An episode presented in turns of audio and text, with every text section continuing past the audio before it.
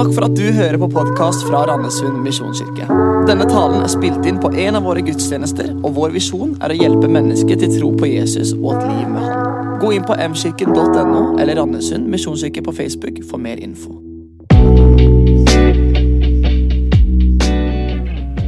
Merkte klappen tok slutt når jeg kom opp her. OK. Takk. Takk. OK. OK, det var den vitsen. Ja, men takk skal dere ha. Jeg, eh, ja, det, var, det, var, det føltes godt, faktisk. Takk for ærlig sang og musikk og for et vitnesbyrd. Merket akkurat når du eh, var i vitnesbyrdet, så var det en del støv inni her, for jeg er så allergisk. Så jeg kom litt sånn der, Men støvet gikk over, så det var veldig bra. I går var jeg i 50-årslag til en kompis. Og jeg gikk på den samme smellen som jeg alltid går på. Først så tenker jeg må passe meg ikke forsyne for mye, for det går an å forsyne seg to ganger. Det var kinamat, og det er jo alltid altfor mye. sant?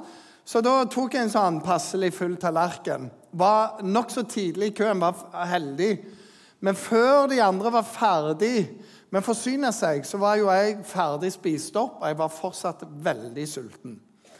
Så denne tabben skulle jeg ikke gjøre igjen. Så når jeg kunne, så bare leste jeg på. Og halvveis i andre porsjon så kjente jeg øynene var sultnere enn magen. Og så er det der kunststykket å tvinge i seg resten. Jeg vet ikke om noen andre kjenner til dette. Dette er klassisk Røy Elling hver eneste helg, egentlig. Så var det dessertbord. Akkurat samme prosedyre som passelig. Det var marsipankaker, det var mye godt som jeg liker måtte to runder der òg. Og halvveis bare kjenner jeg det er så fullt i denne magen. Og Resten av kvelden så spiser jeg ikke mer.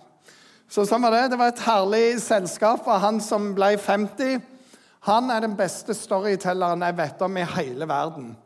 Han er sånn at Når han begynner å fortelle historier, så ligger vi og vrir oss på gulvet. Og så Hvis vi blir bedt om å gjenfortelle det, så var det egentlig ikke morsomt. Det er bare morsomt når han forteller det. Så hele går kveld så bare sa vi ja, du må fortelle om det. Og så fortalte jeg det, og så lo vi. Ja, du fortelle om det. Så var det sånn story night. Veldig kort eh, historie fra han. Han er fra Canada. Og I oppveksten så bodde han langt, langt ute på landet. Og En dag så har han med ei venninne ut, og så begynner han å fortelle om grizzlybjørnene i området. Og De er farlige, og de har drept mennesker, og de har spist og har ikke gjort det ene og det andre. Hun blir jo veldig redd, og han kan være veldig dramatisk. Og så sier han, 'Hvis du hører lyden, så må du bare løpe.' Så sier jeg, ja, men er det ikke sånn at du bare skal legge deg ned? Nei, men det har de prøvd før. Disse grisene de dreper alt. Du må bare løpe det du kan. Så spør hun han, 'Gjør ikke du redd, da?' Nei, nei, nei. Jeg løper jo fortere enn deg. De to gifta seg ikke med hverandre. Men eh, har du vært noen gang på sånne minnerike måltid? For det er jo noen av dem. Og den teksten vi skal inn i i dag, det er et sånn minnerikt måltid, faktisk. Et av verdens mest kjente måltid. Du finner det i Johannes kapittel 13-17. Så det er ganske detaljert hva som skjer her. Og når vi leser i Bibelen, så må vi huske at Bibelen ikke ble skrevet med kapittel og vers det kom langt ut i kirkehistorien. For de ble så lei av å finne fram i rett bokrull og rulle seg ned gjennom all teksten og finne rett plass. Nå kan vi si Johannes 14, vers 1, så bare Der er alle på samme plass. sant? Så det betyr at når de satt hvor versene skulle være, og kapitlene, så var ikke det sånn at det nødvendigvis var det mest gjennomtenkte på hele planeten. Sånn som så her med dagens tekst, som er for andre advent, så begynner kapittel 14 midt i noe Jesus sier. Så i kapittel 13 sier han noe, det fortsetter i kapittel 14. Mange når de leser, de bare leser kapittel 14 uten Ja, men han sa jo noe rett før, det, det står i sammenheng her. Så, sånn er det bare. Vi er veldig glad for vers og kapittel, for det gjør at vi finner fram. Men av og til må du lese litt mer. Så for å hjelpe dere litt Jesus har sagt nå skal vi ha et godt måltid. Guttene! Som vi alltid er når det er snakk om mat. Og så begynner dette måltidet bra, men så blir det bare særere og særere. Midt under måltidet så begynner han å vaske beina på dem. Og dette er jo rundt Middelhavet. Det er varmt, og det lukter ikke bra av bein. Dette var en tjeners oppgave, kanskje en slaves oppgave. Det var i hvert fall ikke rabbien, mesteren, den lærde, sin oppgave. De skulle egentlig bare ta fram, og så skulle de andre fikse resten. Og der er rabbi Jesus og vasker beina. Og de bare sånn hva, hva som skjer her? Dette er jo feil. Peter sier du kan ikke gjøre det. Så sier jeg jeg er nødt til å gjøre det. Og så sier OK, vask hele meg, liksom. Ja, Det var too much. Som vanlig med deg, Peter. Jeg forstår hva du mener, men det går bra. Huh. Ja, Det er typisk Peter. Han er alltid for mye. Og så liksom, så bare sånn Det var rart. Og så sier eh, ja, så Nå vet dere hvordan dere skal leve i denne verden her. Tjen de andre. Det er liksom, Hvis dere vil ligne på meg sånn. Og så sier han forresten, jeg skal dø. Og det er bare sånn, Du snakker om å ødelegge stemning. Jeg skal dø. Han hadde jo sagt det et par ganger før, men nå liksom Woohoo, chicken! Dø. jeg er mett. Sånn? Og det ble best. Og så sier å, en av dere kommer til å forråde meg. by the way. Og det bare sånn, mm, meg, meg, meg, mm, hvem da? Ja, Og du, Peter, hæ? ja, du skal fornekte meg. Det er jo det som skjer der. Du snakker om å ikke kunne eh, te seg. Så la oss gå bare litt inn på det. Jeg kommer til å dø. Ja. Partypooper. Det er Jesus. Og greia var at de følte seg som verdens heldigste. De fikk varme. Han som var det mest populære, mest snakka om. Kanskje var Messias. Kanskje var han den de hadde venta på i ganske mange hundre år. Oh, vi venner. Nå skal han dø. Det er ikke kjekt. Forandring suger. Det er bare det verste. Vi har det jo bra nå. Ingen forandring ønskes. Takk. Og så sier Jesus det er faktisk best for dere at det går. Det er det ikke, Jesus. Det kan jeg fortelle meg. Og så har han lyst til å si er jeg Gud eller du? Nå gjør jo ikke det, da. Og så sier det er best for dere. Og greia er at akkurat dette avsnittet tror jeg taler til noen i dag. For Jesus sier det er best for dere fordi hvis ikke jeg forsvinner, så kommer ikke talsmannen Den hellige ånd. Jeg kan bare være én plass om gangen, men Den hellige ånd kommer til å være der alle er kommer til å bo i alle kristne på denne planeten samtidig. Det er mye bedre enn at jeg er her. Det er vi helt uenige i Jesus. Det er best at du er her med oss. Og så er det veldig bra at det forsvinner. For jeg har kommet på besøk til dere, men nå har vi blitt familie, så nå skal jeg gå i forveien og lage en plass som dere skal være med meg i evighet. Det er bra for dere. og Det er derfor vi har advent, for vi venter på Jesu komme. Ikke på barnet i krybben, men vi venter på at han skal komme hjem, eller tilbake for å hente oss hjem. Og igjen så er det litt sånn Hører du sier det, men det er ikke bra. Så er jo en greie Et kapittel må ta slutt hvis du skal kunne begynne på et nytt kapittel. Sånn er det bare. Men det er ikke alltid vi liker det. Og et kapittel i ditt liv må komme til ende hvis Gud skal få lov å begynne på et nytt kapittel i ditt liv. Og veldig mange kapittel underveis i ei god bok har litt smertefulle slutter. Det dirrer, du lurer på hvordan går det videre. Det er sånn vi er her. Vi leser før i Bibelen om at israelsfolket de, de var eh, tatt ut av fangenskap i Egypt. De var slaver der, og det var Moses gjorde masse tegn og under. Og så kommer de ut og bare Woho! Og så går det veldig sånn Hei! Du, hvor er det der eh, landet vi skal få. Nei, det tar tre år å komme der. 40 år. Og så begynner det. Det var bedre med kjøttgrytene. Og sånn er det i dette landet mellom, der du lengter deg tilbake til elendighet fordi du ikke er framme ennå. Men du kommer ikke fram uten å avslutte.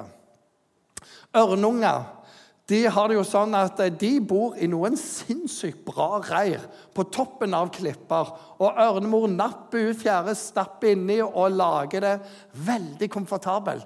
tenker deg, Det er litt sånn, sånn fjærbekledd og sånn. Mm, komfortabelt og godt. Og så får du servert Du bare ligger der, akkurat som norsk ungdom. Og mor kommer med laks og med kylling og alt som er bra. Du er kongen! Alt handler om deg. Og så vet bare mor du er ikke skapt for å være i dette reiret. Jo, det er jeg! Og sier nei, vil du skal bli voksen. Det vet ikke jeg. Jeg vet ikke hva det betyr. Jeg har det bra her. Så det hun gjør, er å begynne å ta vekk alle disse tingene. og så bare Litt ukoselig. Og så en dag så kommer mor. Hei, har du ikke laks? Nei, jeg har noe bedre. Og hva er det? Så dukker hun opp, og så Hva gjør du? Hva gjør du? Hun står på kanten. Dette! Boom! Og så tar hun nebbet, og så bare boom, utfor. Og så Aah! Ned igjennom. Og bare der! Og så ser hun. Fem, fire, tre, to, én. Og så kommer kamikazen. Og idet livet passerer i revy, de 14 måltider med laks og de syv med kylling og de to med måker, så kommer ørnemor. Bom, tar opp Neste dag Hello. Boom! Og de tror at mor hater henne. Hva er det som ga at mor klikker helt? Helt til en dag. Så er det bare Wow! Hey, look at me! Og så lærer de å fly. Fordi et nytt kapittel starter ikke før et annet er slutt. Og for noen av dere så er det sånn i dag at eh, Gud har kalt deg til et nytt kapittel, men det er ubehagelig der du er nå. Videre i teksten her så er det en som skal forråde Jesus. Og de skjønner ikke Er det meg? Er det deg? Så sier Jesus, gutta, jeg skal gi dere et hint. Han jeg dupper i meg nå og gir dette stykket til, han er det. Judas, vær så god, gjør det du må. Hvilket betyr gå ut og forræd meg. Og de andre sa «Eh, hvem er det, Jesus? Skjønner ingenting. Judas han skal sikkert kjøpe noe, han kasserer, så det er greit, men Og han bare er det mulig? Disse skal jeg bruke til å hjelpe folk i Norge til tro seinere. Og de forstår ikke. Jeg skjønner ikke, er det meg? Så, bare, så Han gir nesten opp der. han er. Og så sier han til Peter du skal fornekte meg. Det skal jeg aldri. Ikke om noe Om de andre Jeg skal dø for deg, Jesus. Du vet det meg, Peter. Igjen store ord. Så sier Peter, før hangale, så skal du fornekte meg tre ganger. Han er bare sånn. Og så kommer vi inn i teksten. For der slutter kapittel 13, og kapittel 14 begynner sånn. La ikke hjertet bli grepet av angst. Og det er sånn Time out, Jesus! Det er jo akkurat der du har ført oss! Vi aner ikke hvem som skal forråde deg. Jeg skal fornekte deg. Og vi skal ikke la hjertet bli grepet av angst, og du skal dø. Yeah! Jeg tror på Gud og tror på meg. All right. I min fars hus er det mange rom. Var det ikke sånn, så hadde jeg, sagt, hadde jeg da sagt at jeg går og vil gjøre i stand et sted for dere. Og når jeg har gått bort og gjort et stand et sted for dere, så vil jeg komme tilbake og ta dere til meg, så dere kan være der jeg er. Og dit jeg går, vet dere veien. Thomas sier til han, Herre, vi vet ikke hvor du går. Hvordan kan vi da vite veien? Jesus sier, men jeg er veien, sannheten og livet. Og ingen kommer til far uten ved meg. Har dere kjent meg, skal dere også kjenne min far. Fra nå av kjenner dere han og har sett ham. Så han begynner med dette her. La ikke hjertet bli grepet av angst. Og nøkkelen er tro på Gud, tro på Jesus. Angsten kan ta den beste av oss. Og Det er utrolig mye, men sier, vi trenger ikke la hjertet bli grepet av det. Og Han sier noe seinere i kapittelet som vi får lov å erfare. Kristine hun vitner noe om dette, dette gudsnærværet som kommer av og til. Det er noe av dette her. Og det står sånn som dette. Min fred etterlater jeg dere. Min fred gir jeg dere. Ikke den fred som verden gir. La ikke hjertet bli grepet av angst og motløshet. Det er de stundene når du leser Bibelen, når du er på møte, synger lovsang, er i bønn, eller bare blir overveldet av Guds nærhet og hans fred. Det forandrer ikke de ytre tingene, men det forandrer deg hver eneste gang. Hjertet ditt, tankene dine, havner hos Jesus. og bare sånn, Hva er dette? Ja, det er Gud. Og det er en annen fred enn verden noen gang kan gi deg. Og så sier han videre i min fars hus så er det mange rom. Var det ikke sånn? Hadde jeg da sagt at jeg skal gjøre det, alt dette? Og dette med mange rom det var et kjent begrep for dem. fordi når det var teltfolk, så var det sånn en familie hadde et telt. Og etter hvert så ungene fikk eh, sin familie, og de var i samme stamme og alt sammen, så kunne de bare bygge på nye rom. Så teltet ble større og større. Det var ett hus, men med mange rom. Plass til mange familier. Så min fars hus er det mange rom. Det er mange rom. Så ikke, ikke tenk at det ikke er plass for deg. Og så er jo dette med advent at vi venter på hans komme. Kiff Green, som skrev utrolig mange bra sanger, han sier det veldig fint en gang. Han sier jeg vet jo ikke om Gud skapte verden på syv dager, eller om det er bare billedlig. Men bare tenk deg, hvis det tok syv dager å skape dette, og han har holdt på i over 2000 år med det han holder på med nå Det er jo som å bo på en søppelplass i forhold til hva han holder på med. Der, og Det syns jeg er en god tanke. En eh, annen teolog han sa det sånn Når Gud har lagd jorda så spektakulær tenker jeg Han er nødt til å ha vært i Norge. Så spektakulær som han er. For alle, også for sine fiender.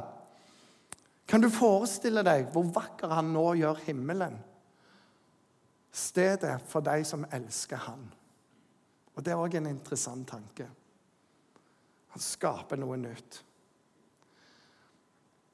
Jesus kom på besøk til oss, og så sier han gjennom disse kapitlene far, far, far, far, far, far, far. Og sier Gud er din far. Og så sier han om seg sjøl jeg er din storebror.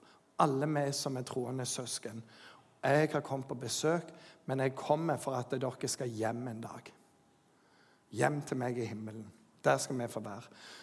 Og så fortsatte han. Og der jeg går, vet dere veien. De hadde jo ikke peiling. Thomas spør aner ikke hva du snakker om. Og det var veldig bra, for de andre elleve skjønte heller ikke hva han snakket om. eller ti som var igjen. Så hvordan kan vi vite det? Og så kommer jo bare gullet. Men jeg er veien, sannheten og livet. Og her er greia, Hvis du ikke våger å stille spørsmål, så får du jo heller ikke svar. Stiller du gode spørsmål, så får du geniale svar. Så Noe av clouet er jo å våge å stille gode spørsmål. Og så ser jeg veien. I Finnmark, gamle, gode Finnmark så var det en, eh, en turist som kom inn på turistkontoret. Han var så sint. For han syntes jo disse veiene i Finnmark de var smale. De var humpete. Og de var helt hullete, alt i sammen. Det var bare elendighet. Sitter han der og bare Ja, hva er det du syns om lengda? Om ikke noe annet, så er den imponerende. og det er nordlendinger på sin hals. Finnmarkinger. Vet ikke om du har GPS. GPS er av og til herlig når han er innstilt på korteste vei og ikke lureste vei. Og mange GPS-er er der. Husker jeg kjørte fra Stavanger til Kristiansand. Kom der Tredal har sin fabrikk, og da foreslo han at jeg skulle over heia. Jeg kunne veien min, så jeg lot være å følge han. Men flere plasser i Norge har de satt opp skilt fordi altfor mange trailersjåfører istedenfor å ta europaveien opp til Bergen plutselig er langt oppå på et fjell, for GPS-en fant ut det var mye kortere. Og Så kommer de inn i et gårdstun, og der står det en lastebil som skal andre veien. og det er ikke plass til dem. GPS er veldig bra når det funker. Men det er ikke alltid det funker. Og så er det jo interessant med oss menn. For vi, de, de har forska på dette. 26% av menn venter i over 30 minutter før de spør om veien. Så flaut er det. 12% av oss mannfolk insisterer på å finne fram på egen hånd, selv om de har kjørt seg helt bort. Fordi med litt for høy selvtillit og frykt for å virke hjelpeløse, sier forskningsselskapet. Men Av og til når du spør om hjelp, så får du en litt sånn en ny by, kan du hjelpe meg å finne veien?' Ja, du kan bare gå ned der, og så til kiosken, så runder du til venstre. Og så går du to kvartaler opp, og der vil du se, og så, og så bare sånn 'Har ikke peiling', sant? Så prøver du. Men det er noe annet når noen sier 'Du, det er litt vanskelig å finne der', men jeg skal samme veien. Bare slå følge med meg. Så bare følger du etter meg. Skal jeg gå dertil? Da blir den personen veien. Og Jesus sier, 'Jeg er veien'. Hvilket betyr hvis du følger etter meg, så kommer du der du vil. Til himmelen. Har en kamerat som var på et skolelag, og de fleste var ikke kristne. Men så spurte han hvor mange av dere vil egentlig til himmelen. Alle ville til himmelen. Og Jesus sier, 'Men jeg er veien til himmelen. Følg etter meg.' Bare dilt etter meg, så kommer du til å ende opp i himmelen. Og det er interessant, for De første kristne ble ikke kalt for kristne. De ble kalt de som hører til veien. Så veien har vært et begrep helt fra starten av. Og Jesus sier, 'Jeg er veien'. Så til slutt. I disse versene som ligger før, så er det Jesus sier et kapittel slutter nå, gutter, og de hater det. Samme hva han sier, så er det bare sånn mm -mm. Og noen er der. En skal forråde han, og en skal fornekte han. Og så sier han La ikke hjertet bli grepet av angst, men tro på Gud og tro på meg. I min fars hus er det mange rom. Det gjelder oss i dag. Det gjelder oss samme hvor vi er. At angsten trenger ikke ta oss, men vi kan følge han, for han er veien. Skal vi be. Takker deg for det, Jesus, at du er veien, sannheten og livet. Og du har sagt 'følg meg', og så kommer du til himmelen. Og så ser du også at livet ikke alltid er lett. Det kan være angstfullt. Og Av og til så kan det være sånn at vi faktisk har forrådt deg, vi har fornekta deg. Og vi har ikke likt de eh, kapitlene som du vil skal være avslutta i livet vårt. Men likevel så sier jeg, jeg gir deg min fred. Herre, jeg ber om at du må hjelpe oss å følge deg og få lov å erfare denne freden, sånn at angst og motløshet må vike i Jesu navn. Amen.